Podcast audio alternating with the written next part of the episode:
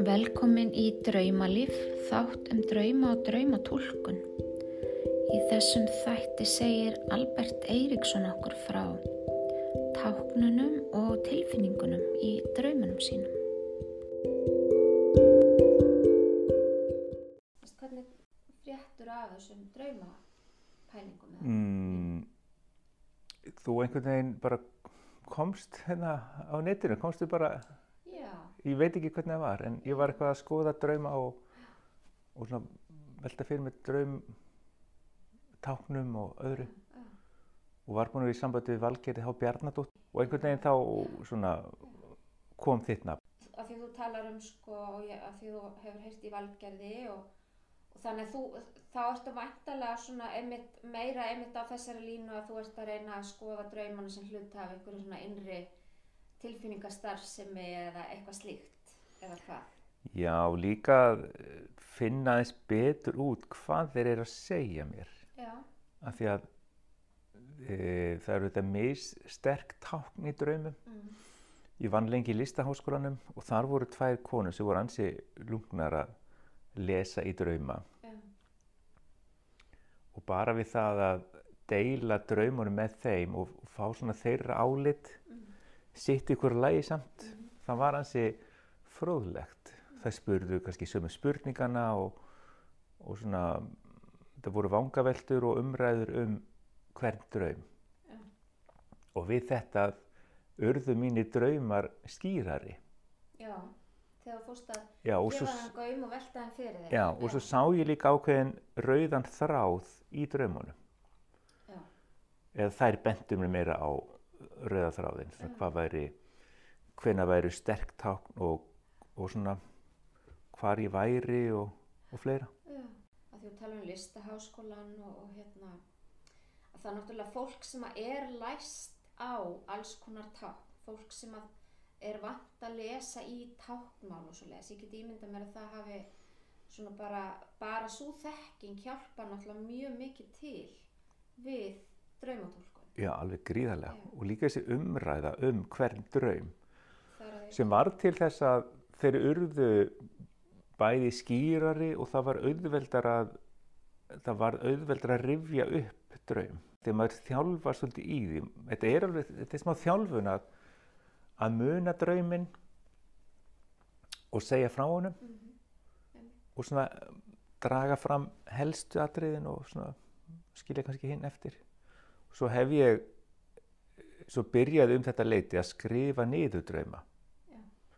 Það eru svona tíu ár síðan ég byrjaði að skrifa niður drauma og ég skrifa ekkit alla drauma en svona ef þeir eru, ef þeir eru sterk táknið þeim þá skrifa ég niður. Og en ég, og hérna ef þeir eru mikla litir þá skrifa ég þá og svo framvegis. Já. Og hverju komið sögu. Hvað kallar sterk tákn? Mm, það eru tákn sem að e, ég sé að eru fyrirbóði um eitthvað. Ég skil. Mhm. Það getur verið litur eða annað. Mm. Ég er nú fættur austur á landi og, og ef ég er þar í draumum, semst á æskuslóðum, Já. þá er það eitt stert tákn. Mhm. Og svo líka hverju koma við sögu. Hvort það er fólk sem er lífs eða liðið. Já. Og eitt af því sem ég lærði af konunum í listaháskólanum var að mm, já, ég var alltaf- að spurja þær einna hvað táknar ef að kemur einhver látin fyrir í draumi. Já. Og þær vildi aldrei segja mér það. Þær segðu bara, þú verður að einna, leggja á minnið hvað gerist Mm. og svo finnur þú sjálfur út hvað gerist. Því Þetta er svona kannski ólíkt milli fólks. Og svo gerist það að uh, smátt og smátt fer maður að tengja við. Þannig að eftir í hversu nákomin hinn látni er manni í lifandi lífi, hversu st- sterkt táknan er að byrja manni. Það gerist fyrir nokkrum árum að sýstu sónu minn tók líf sitt og svona heila vik og undan þá dreymdi mig ótrúlega drauma. Þá kom komið fram í draumi fullt af fólki sem var látið og bara svona eins og að vera minna á sig.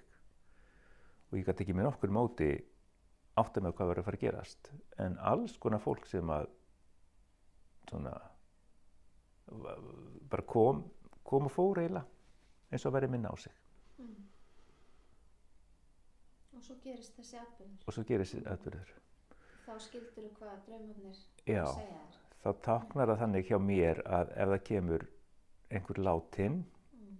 í draumi að þá er það breyting, þá er það mis, mikil breyting. Þannig að þú lítur á drauma sem fyrirbúða. Já, algjörlega. Og eitt af því sem þessar konur tvær bentu mér á, það er urðu svolítið örlega valdar í mínu drauma lífi, að e, fyrirbúðin er kannski bara fyrir næsta dag eða næstu tvo daga. Þetta er ekkert langt fram í tíman. Og það hefur verið, já, svona gegnum gangandi hefur verið þannig gegnum tíðina. Gerur þið það grein fyrir því þegar þið dreymir hvað er að fara að gerast eða áttar þið á því eftir á að þetta hafi verið fyrir? Það er bæði, oft er þetta, veit ég að sirka hvað gerist, maður veit aldrei nákvæmlega. Eins og þetta þú veist að það er eitthvað að fara að breytast. Já, já. En, en sko, já þetta er svona alls konar og svo er náttúrulega að því að þegar maður skrifa niður draumana þá er þetta kannski auðveldar að sjá eftir á, já, alveg rétt, mér dreymdi þetta og þetta gerist í framhaldinu, svona, þá verður þetta skýrara. Mhm. Einmitt. En það er ákveðin kostur að skrifa niður drauma. Af því að það, bara, það gerist um allt sem að, sem að man ekkit endilega tveim, þreim dögum setna nema maður skrifi niður. Já. eins og nótt, má ég segja draum sem dreymdi í nótt?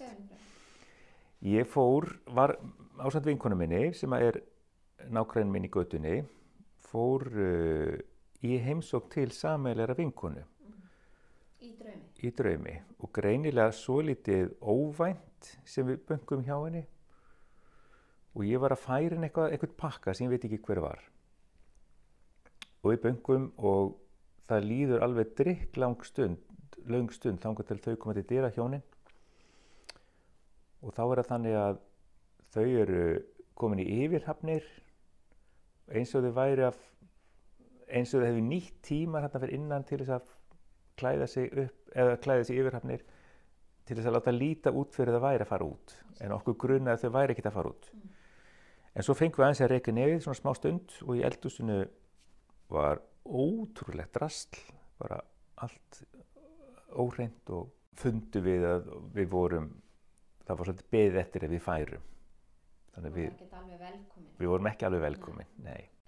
Þessi vinkonaðin sem fór með þér í heimsóknina, ef að þú myndi velta fyrir þér hvaða, uh, fyrir hvaða eiginleika í þér myndi þessi manneski standa fyrir sem einhvers konar draumatá, hvað myndi þetta ekki hug? Já, hún, hún sko stendur fyrir eh, svona gleði og jákvæðinu og það er báðar Og það er báða, líka Já. kona sem tók á móti. Já, og svona konu sem að er alveg til í að gera íminnslegt óvænt og Já. þarf ekki alltaf einhvern fyrirvara og svo framvegis. En svo í drauminum er það samt eiginlega þver öfugt að Já, þessi sem tekur á móti þér að hún er ekki alveg til í nei, hún sýnir á sig alveg nýja mynd. Já, og það er eitthvað ekki alveg í lægi þar á heimilinu virðist vera í þessu eldhúsi, það er eitthvað öðruvís en það á að vera. Já, Já. það er allt ólíkt því sem að er í, í sko Allt hérna megin núna. Stendur hún fyrir alveg sömu hluti og hinn. En hjónin voru þar bæði. Já, hjóni voru bæði, þau komið til dyra bæði en svo einhvern veginn sé ég ekkert meira af honum. En svona þau voru mjög alvarleg bæði og, og þessu væri eitthvað að. Það er ekki alveg í lægi. Já, en á, áberandi dökkrátt inni hjá henni og, og sem engi lýsing. Sko, um, öll húsakinni eru á einhvern hátt táknræn fyrir sjálfið og líf dreymandans á einhvern hátt. Og mér dettur nú í hug, sko, að þetta er eldhús. Að eldhús er náttúrulega, dettur mér í hug hvort það geti verið að, að draumurinn sé að gefa þetta til kynna á einhvern hátt, sko, sé það sem að næringin verður til, sko. Eitthvað ástand í þeim geira í sálarlífinu þínu, hvort að það geti verið. samt er verið að útbúa næringu þarna já, þarna eru ungar, tvær unglingstúlkur að útbúa já, og þær voru, unglingasnakk eins og já, þær voru alveg, það var svona unglingafjör í þeim, sko, já, já, og alveg gaman hjá þeim. gaman hjá þeim Mm. Mér finnst þetta freka vera eins og að eh, það gerist eitthvað eh, óvænt þar að segja, kannski eitthvað sem að ég er með ákveðna tilhökun til, já, verður ekki, verður, veldur smá já. Það verða vombriði.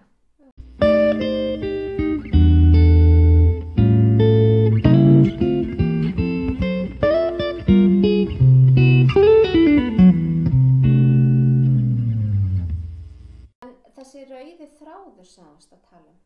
Talaði um að það væri rauður þráður eða hefði verið rauður þráður í gegnum draumum Já, það er sem sagt e, að þeir eru skýrari eða þeir, hérna, hvað segir maður, þeir svona skipta mig persónlega meira máli drauma sem gerast fyrir austan já, og jafnvel og að eru út í náttúrunni þar upp í fjalli eða í fjöru eða álíka. finnst þér að muna þá betur eða, eða finnst þér bara að vera þú, þú tekur meira mark á þeim Já, kannski tekið mér að marka á þeim og, og svona það hefur eflust þróast líka þannig eftir ég fór að stútir eða mm. eigið drauma líf meira. Mm. Ég hugsa að það sé meira þannig. Mm. Annars er það þannig í æsku minni, ef ég má segja frá einu draum í æsku, Mm. öll mín æsku ár, þá dreymdi mig, mig dreymdi alveg og þá í svartkvitu, Mm. það var ekki fyrir ég var fullorðin sem að breyttist í lit. Og þessi draumur var einhvern veginn af og til alla mína barnæsku. Og var þannig að ég sá fyrir mér, í draumnu var gömul kona svona, maður ímynda sér gamla góðulega ömmu. Uh, hún situr í ruggustól með, með heklað sjál yfir axlirnar Mm. vera að prjóna. Svona bara ímynd af svona fallegri, uh, góðri konu.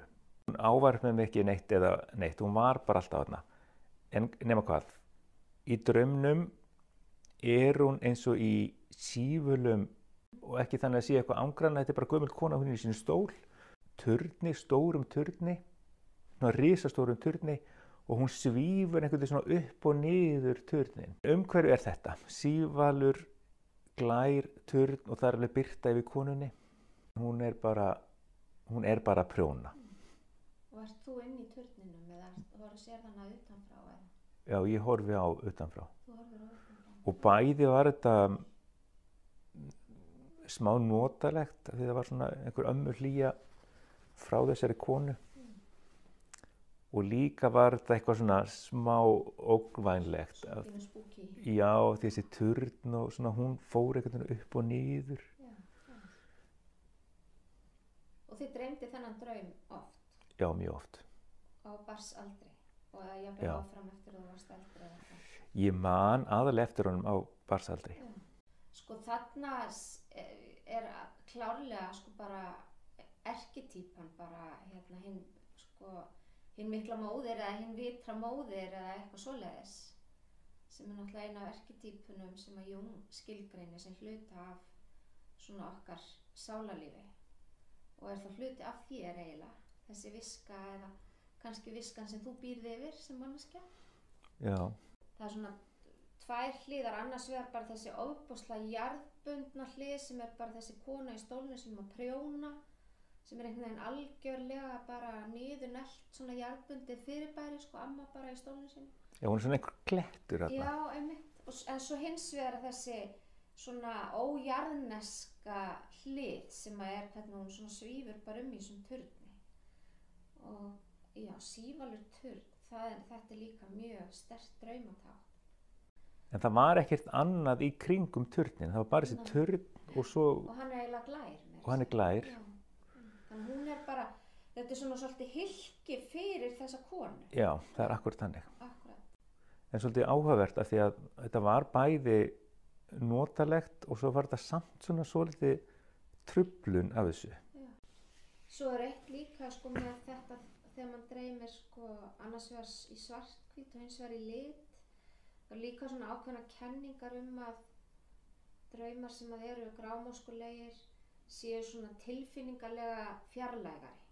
Það er ekki eins mikið af sérst, tilfinningum í þannig draumi. Já, ég sammála því. já, þú upplifir það. Já, mér fór að dreymi lit svona uh, um það leiti sem ég kem úr skápnum í svona, já, þannig að þetta er svona, já, þetta er svona ákveðið þroskaferli já. og það var alveg, þá fá tilfinningarna loksins kannski Já. svona eðlilega.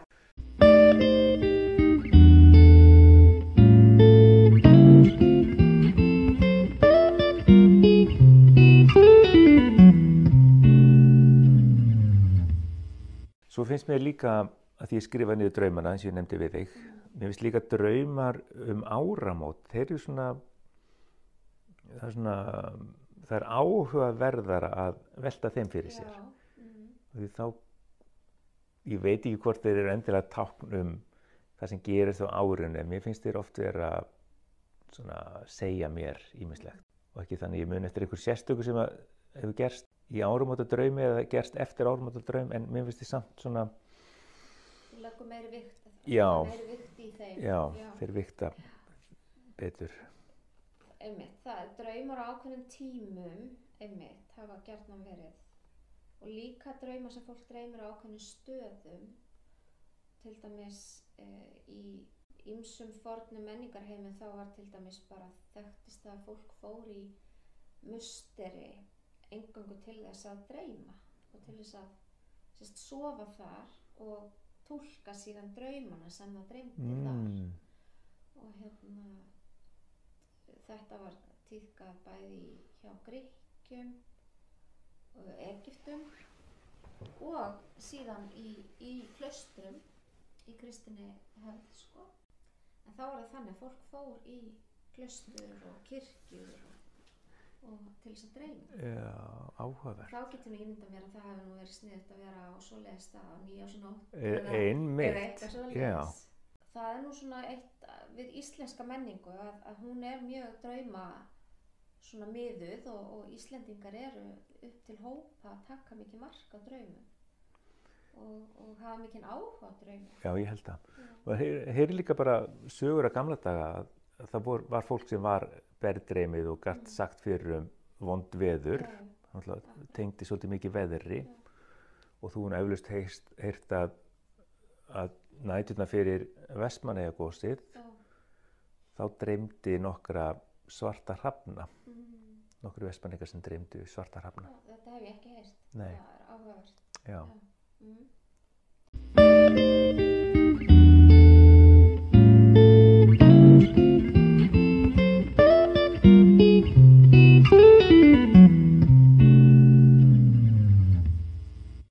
Hvernig er þetta? Þú, nú þú svo fróð um drauma. Að fyrir mér eru draumar það sem gerist í mínu lífi eins og ég sagði við nokkrum dögum á eftir, Já. jafnvel bara daginn eftir eða tveim, þreim dögum setna. Er einhver, er þetta algengt eða er þetta alls konar hjá fólki? Uh, þetta er náttúrulega lang algengasta túlkunin á draumum og la- lang algengasti skilningurinn en svo er náttúrulega þessi hugmynd sem að ég er mjög mikið að vinna með það er að draumarnir eru að endurspegla það sem við erum að glíma við í tilfinningalífinu og í sálarlífinu.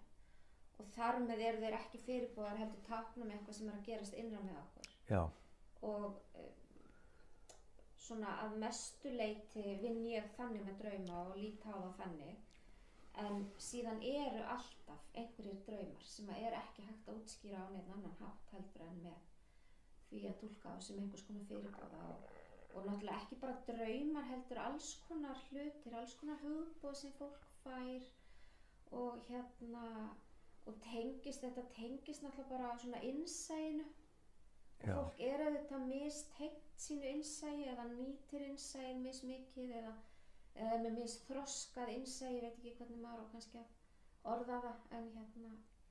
Og við höfum náttúrulega mannskeppnan eftir því sem við höfum hvað segi, horfið meira inn í þú veist steinsteipu heiminn og tækni heiminn þá höfum við oft, sko við þurfum ekki að innsæinu eins mikið að halda. Nei, Nú sem við erum búin að gera lífið svo fyrirsjáanlegt.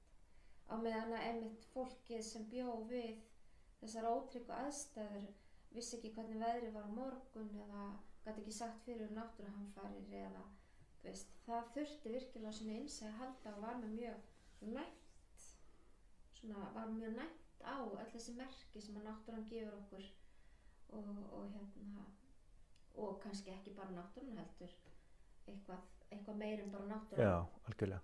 En ég er sammálu sem er að, að sko sumi draumar eru meira framhald af því sem það er að gera þann daginn. Já, Og þá er kannski ekki endilega einhver sérstök tákn eða þeir eru ekki að segja þeir endilega eitthvað. Þetta er meira bara svona einhver úrvinnsla eða, eða er, er til er, drauma þá er einn drau, flokkur drauma úrvinnslu draumar já, veist, það er bara þessi það er bara það er verk, verkefni sem þú ert að vinna í. Já, og það, það- sem að þið skipti. daginn áður eða neð, það sem að þú uppliði daginn áður eða Já, kannski hittir einhvern eða fórst í bíó og sást einhverja bíómynd og svo byrtist einhver sena í drauminu Ég hef ekkert endilega velt þessum, þessum flokki af draumum endilega fyrir mér, en kannski ætti maður að gera það. Því þeir eru eflust að segja mann eitthvað líka. Já, ég trúi því allir draumar segja mann eitthvað. Já, allir draumar hafa merkingu og, og það er hægt að tólka það jafnvel á sko fleiri en einn hátt af því að draumar eru marglaga. Og hérna þeir geta verið sko að segja manni bæði eitthvað um manns tilfinningalíf svona úrvinnslu draumar ég svona ég tólka oft þannig að þeir séu svona ákveðin leiktjöld fyrir eitthvað annað sem er að gerast. Þú veist, þeir undir meðtöndin tekur einhverja senu sem að þú gegst í gegnum daginn áður og svo spilar hún hana aftur í drauminum í þeim tilgangi að vinna með eitthvað. Já, vinna með einhverja tilfinningar eitthvað tengt sálarlífinu eða eitthvað slíkt. Þegar þú baðst með að koma, mm. þá fór ég svona, svona að deili sem með fólki að ég væri að koma til þín í spjall Mm. og bara aðeins til að búa til umræður og svo gaman þegar að vera til umræður þá fer maður að heyra sögur og, og svona ýmislegt. Já. Uh, mamma sagði mér það að hún er núna á nýræðisaldri. Hana dreymir oft uh, svona atvik og svo fer hún að segja fólkinu sem að var í draumnum frá atvikinu Mm. Og þá kemur í ljós að hún er bara eins og hún hafi vi, vitað þetta, þetta atbyrðurinn gerðist. Já, semst hana er að dreyma eitthvað atvik sem kom fyrir Já, einhvern annan. já. já, já, og segir svo fólkinu frá og þá er þetta bara eins og hún hafi verið á staðinum og upplifað þetta sjálf. Og ekki er var ég í kaffibóði hérna hjá hjónum og konan er nú frá fjarlægur, fjarlægri heimsálfu og hana dreymdi sem barn, þá kom alltaf sami draumur aftur og aftur, dreymdi sem barn að hún horfði yfir þorp og það var reykur, steig upp reykur hér og þar. Hún það var upplifið mikið stríð þar sem hún ólst upp. Og uh, tengdi þetta bara við stríð eins og þetta væri reykur frá eftir sprengjur eða eldsvoð eða, eða svona einhverju óerðir. Og en þetta trublaði hana samt svona eins og gengur. Og svo gerist það að hún kemur til Íslands fyrir 35 árum keirir austur fyrir fjall og á helliseiðinu stoppar hún, sér yfir hveragerði og sér reykinn og þá er þetta þorpið og hún býr í hveragerði í dag. Þetta er svo ótrúlegt að segja frá þessu. Er svona það sem að Jung talar um sem samvitundina, allt þetta sko þegar okkur dreymir eitthvað sem hefur komið fyrir einhverja aðra, eitthvað sem áttur að gerast í framtíðinni, um, þegar við fáum hugbóð og við ringjum í einhvern þá er hann akkurat að fara að ringja okkur og allt þetta. Þetta svona, Jung talar um semst að þetta gerist í samvitundinni. Við erum öll á einhvern hátt tengd inn í þessa samvitund og hann líkir þessu við sko hann líkir vitundinu við ísjaka.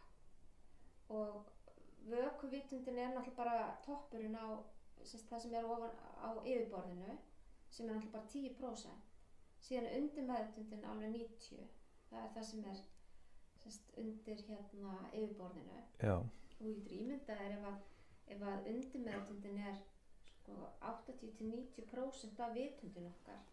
Hvað er mikið að gerast þar sem við erum ekki meðvituð um nema bara örlittlu leiti en svo líkir hann sko um, sem sagt hafið sem ísjakarnir fljóta í er samvitund. Það er sameiginleg undir og hann kallar þetta the collective unconscious.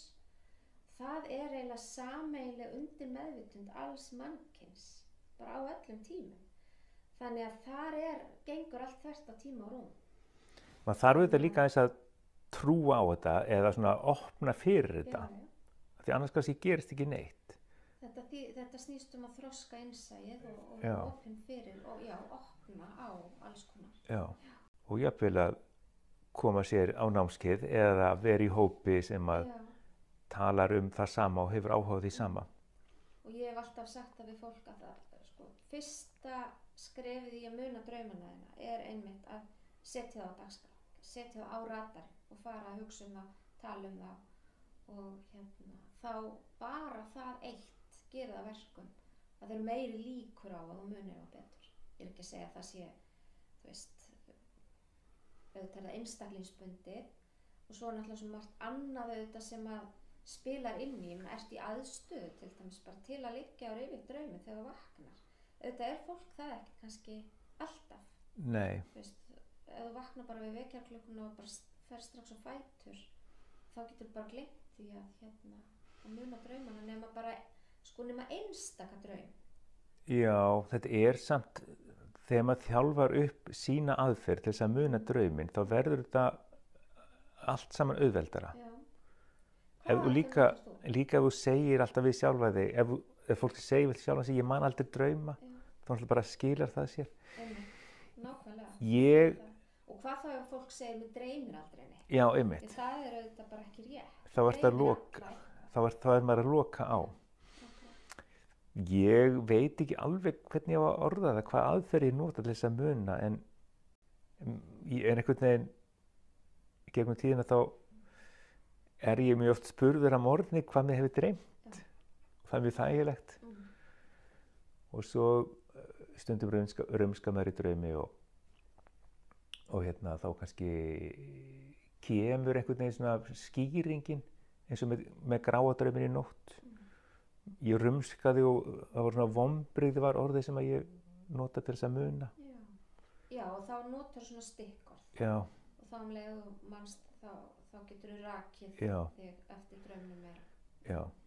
En svo hugsa ég það þannig ef að ég man ekki endilega allan drauminn, bara eitthvað svona eitt atvik, þá kannski skipti draumurinn minna máli en einhver aðri draumar. Mm, ég hugsa það svolítið þannig.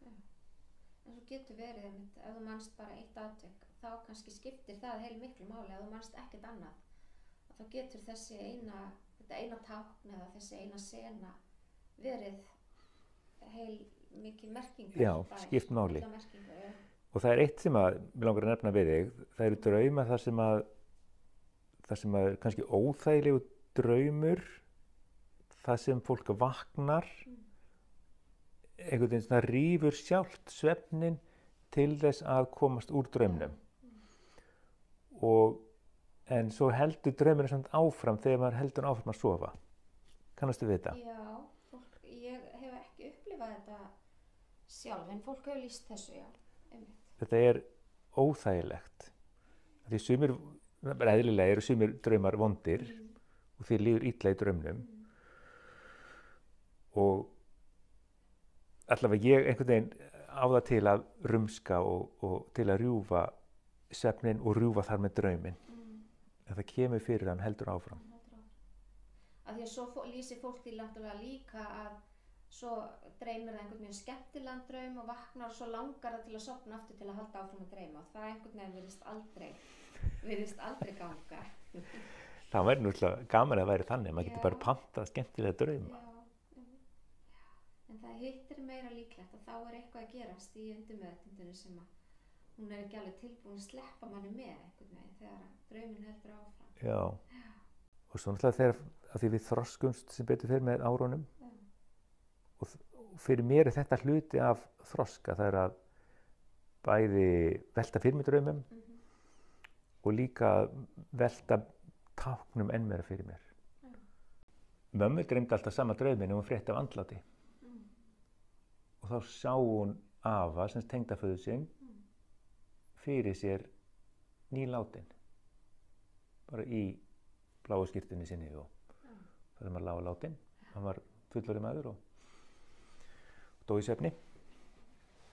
Þannig ef hann kom fyrir þá vissi hún að væri, já, væri tilkynningu um andlát framöndan Þá eitthvað svona nátengt eða svona tengt allavega. já, allavega. Já, tengt, ekki já. endilega nátengt Ekki endilega fjölskylda en svona, já.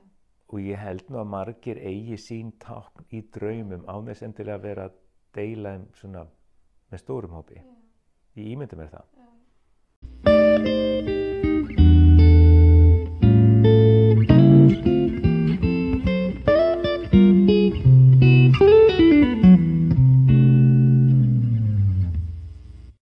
En hvernig tengir hvernig, hvað segir vatn þér í, í, í draumum? Því ég fór í gegnum Já. tímabil þess að það var svo mikið vatni. Já, Það var ímest sjór eða ferst vatn. Vatn er, sko í þessari djúpsálarfræðilegu hérna túlkun er vatnið tákn fyrir tilfinningalífið. Já, Þannig að þú ert alltaf svona að kafa í tilfinningalífið þegar vatnið kemur sögu. já, Og þá auðvitað fer, fer það svolítið eftir í hvers konar vatn er á ferðinni. Veist einmitt, er það sjór, er það bara lítill drullupollur? Um, eða svo auðvitað náttúrulega getur það komið fyrir í fleiri myndum, þú veist, vatn í glasi eða vatn sem þú ert að þóðir upp úr getur, þá, þá breytist auðvitað merkingin eftir, eftir samhenginu. En það sem að um, kannski stendur aðeins upp úr er að þó, þó ég væri sjó. Þá var vatnið aldrei kalt. Sjóri var ekki kaldur. Eða þó ég væri í vatni, þá var aldrei kalt vatn. Nei. En vatn eru tilfinningar. Það er tilfinningalífið. Það passar. Mm. Og svo er bara spurning, ertu, þú veist, uh, já hvað ég segja, finnst þér eins og þú sért að drukna eða finnst þér vatnið ógna þér eða, eða eh, ertu kannski bara að ganga yfir vatnið á brú eða, eða siglur á vatninu eða flýgur yfir vatnið.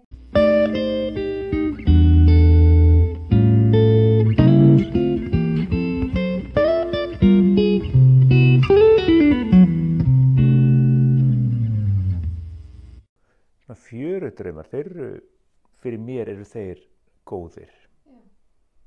Kemur hafið náttúrulega við sögu. Kemur hafið og það er Þannig að Þú einhver, ert svona á, á, á bakkanum meira. já það er líka, það er einhver svona friður og jartenging og, og notaligheit. Já. Tengist það þá reynslu þinni af fjörunni í vökunni?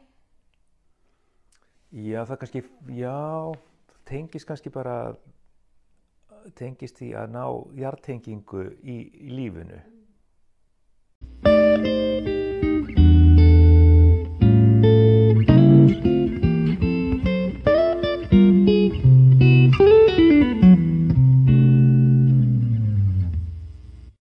Ég er líka með fólk sem kemur fyrir í draumi, fólk sem við þekkjum, Mm. að við þurfum að við þurfum sko að meta það hvernig þetta fólk hefur áhrif á okkur í lífanda lífi þú veist, er þetta fólk sem er langar að vera innanum eða er þetta fólk sem að stuðar þig? Eða, eða þú veist á hvað skala er Já, fólkið? Þess vegna spyr ég líka alltaf sko fyrir hvað eiginleika í þér stendur þessi manneski af því að, að þegar þig dreymir einhver manneski þá þýðir ekki endilega það að það hafi eitthvað með hana að gera í vökunni sem slíkri. Uh, það er ekki endilega eitthvað að fara að koma fyrir hana eða, eða það er ekki endilega eitthvað að hjá henni eða eitthvað slíkt heldur er það meira hvað er að gerast í þér? Og fyrir hvað eiginleika í þér stendur viðkomandi manneski já, ég samála og alveg svona, já hvar hversu mikið hún tengist þér og, og hvað áhrif viðkomandi hefur á þig á hvern hátt. Þannig að það þarf þetta hver bara að leggja hönd á hjarta og, og, og svona vita það með sjálfum sér það er nefnilega líka það sem er svo mikilvægt að við gerum okkur grein fyrir að, að þínir draumar er alltaf bara þínir draumar. Já. Táknin sem byrtast í þínum draumum, þau eru sértæk bara fyrir þig. já, einmitt, að það sé svona, já eins og þetta vatni tákni tilfinningalífið og auðvitað eru svona algild tákn, en það hvernig þau byrtast í þínum draumi er alltaf einstaklingsbundi bara fyrir þig. Hvað með ilm í draumi? Já, góð spurning. Því stundum, Ég það. stundum er í sveitinni og þar er Já. kannski út í náttúrunni og sko notalega þegar maður, þegar maður dregur djúft anda með lokuð augun og finnur svona náttúrulykt eða, eða, eða lykt af sjónum, Mm. getur þessu notalegt. Já. Það er náttúrulega hérna mikið af minninu okkar á tilfinningar tengist lykt. Þú þekkir þetta bara, þú, þú finnur einhverja lykt og allt í hennu byrtast einhverja minningar frá í barnæsku eða, eða eitthvað slíkt. Þannig að hérna, og það getur bæði verið mjög jákvæmt og neikvæmt, þú veist, þú finnur einhverja bökunarlykt og það minnir þá ömmuðina eða Mm eða einhver vondlikt sem að minni það einhvern slæman atburð eða einhvern stað þar sem þið leið ekki vel eða eitthvað slíkt og þá, þá koma þessar tilfinningar upp einhvern veginn lykt kallar fram tilfinningar þannig ég get ímynda mér að í draumi sé lyktin alveg eins og litirnir mjög tengd tilfinningum á einhvern hátt Já, í samála. Mm. Eins og, eins og í þessu tilfelli sem var nefna, þá er, þá er þetta bara þægilegt, sko. Þetta er ekki, þetta er ekki lykt sem ég finnst vond Nei. eða hefur slæm áhrif á mig. Þetta er bara meira svona að maður er að teiga vorið eða teiga náttúruna eða Það sjávar ilminn. mjög sterka tilfinningatengingu get ég mynda mér. Og náttúrulega svona náttúrutenging er örgulega mjög mikið uh, svona þú ert, að, þú ert að tengja mjög djúft þú ert að jarðtengja mjög djúft þegar að þú þegar mann dreymir svona drauma svona tengsli náttúruna Já. já, bara mjög áhugavert og skemmtilegt Uh, ég, svona, ég hveti til að skoða svona fara að beina sjónum svolítið að svona hvað draumandi geta sagt þér svona um sjálfan þig. Ekki bara hvað mun koma fyrir þig heldur hvað er að gerast innra með þér. Eins og með vatnið. já. Svona og mér finnst sko mér finnst þetta með eldhús þetta gráa eldhús svo áhugavert og ég svona velti fyrir mér sko hvort þá geti skoðað svona og þetta með vonbreið sko og það er náttúrulega alveg maður á klárlega að taka mark á því fyrsta sem kemur upp í hugamanns þegar að maður tólka drauma. Af því að einmitt þar er tengingarnar sko og þú ert að lýsa vonbreiðum og en þá myndi ég alveg velta fyrir mér líka sko hvort það geti verið að þú sért að upplifa einhver vonbreiði á einhverju svona sviði sem tengist á einhvern hátt svona þinni andlega næringu eða, eða, eða eitthvað slíkt Heyrðu, þetta búið að vera skemmtilegt, áhugavert og hérna þú heldur áfram að láta þið dreyma og tólka draumana þína og, skoða þá bæði með tillit til fortíðar, nútíðar og framtíðar. Er það ekki bara ágætsverkefni? Heldur betur. Takk fyrir að bjóða mér og mjög gaman að tala um draumana og, og þetta með að fara á afvikinn stað og, og láta sér dreyma þar náttúrulega það áhugavert er- líka. Er. Þannig kannski fer ég í draumaferð. Það er aldrei veitur. Takk fyrir spjallið. Sumulegis, takk.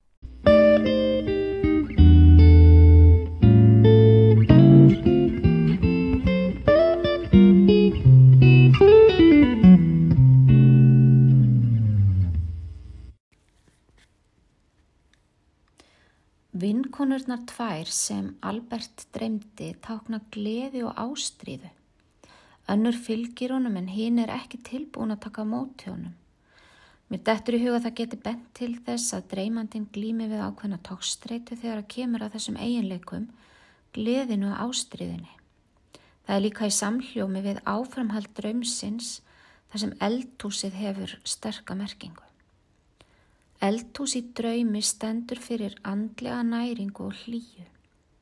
Ef eldhúsið er ekki í lægi getur það bent til þess að viðkomandi þurfi á meiri andleri næringu að halda eða jafnvel að takast á við einhverjar erfiðar tilfinningar. Byrtustíð í drauminum, þar er allt dökk grátt og vantar lýsingu, getur bent til ákveðinar bælingar á tilfinningum.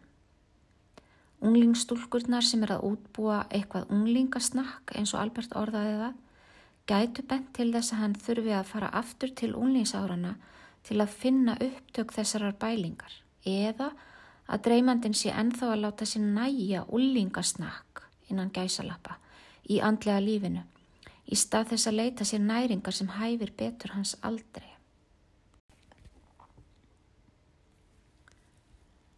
Draumurinn um konuna í turninum er mjög táknrætt. Turnar í draumi standa fyrir miklar vonir og metnað. Það að turnin er gegnsær getur bent til þess að dreymandin sé auðsæranlegur og viðkvæmur. En það getur líka bent til ákveðin skilnings og skýrleika. Gamla konan er að öllum líkindum erketýpa. Hún er viskan sem býr innra með dreymandanum. Hún er mjög hjartbundin að sumuleiti en að öðru leiti er hún ógnveikjandi, sérstaklega þegar hún kemur mjög nálagt dreymandanum. Samkvæmt kenningum fræðimannsins Erik Eriksson sem var leiðandi í rannsóknum á þróskastögum barna er aldurspilið frá 6 til 11 ára sá tími þar sem börn þurfa að læra ímsa nýja færðni og sjálfsmynd þeirra fer meðal annars að snúast um ímiskonar hefni. Ef þeim tekst vel til styrkir það þau, ef ekki veldur það minnumáttarkend. Það að Albert skildi dreyma þennan draum ítrekað á þessu aldurspili er nokkuð skýrt merki um þetta þroskaferli.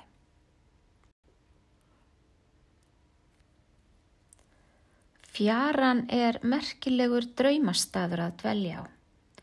Hún stendur eiginlega fyrir ákveðna tvíhyggju þar sem sandurinn eða fjörugrjótið táknar raukhyggjuna en vatni tilfinningarnar, heið órökrétta og óstabíla í sálarlífinu. Ef dreymandin dvelur á ströndinni getur það bent til þess að viðkomandi láti raukheikjuna freka ráða för en tilfinningarnar. En um leið er fjaran á mótum þessar að tveggja veruleika sem bendir til þess að tilfinningarnar séu ekki langt undan og þá skiptir það máli hvernig sjórin hagar sér. Úvinn sjór taknar ólgandi tilfinningar á meðan sléttur sjór endur speklar kyrð í tilfinningunum.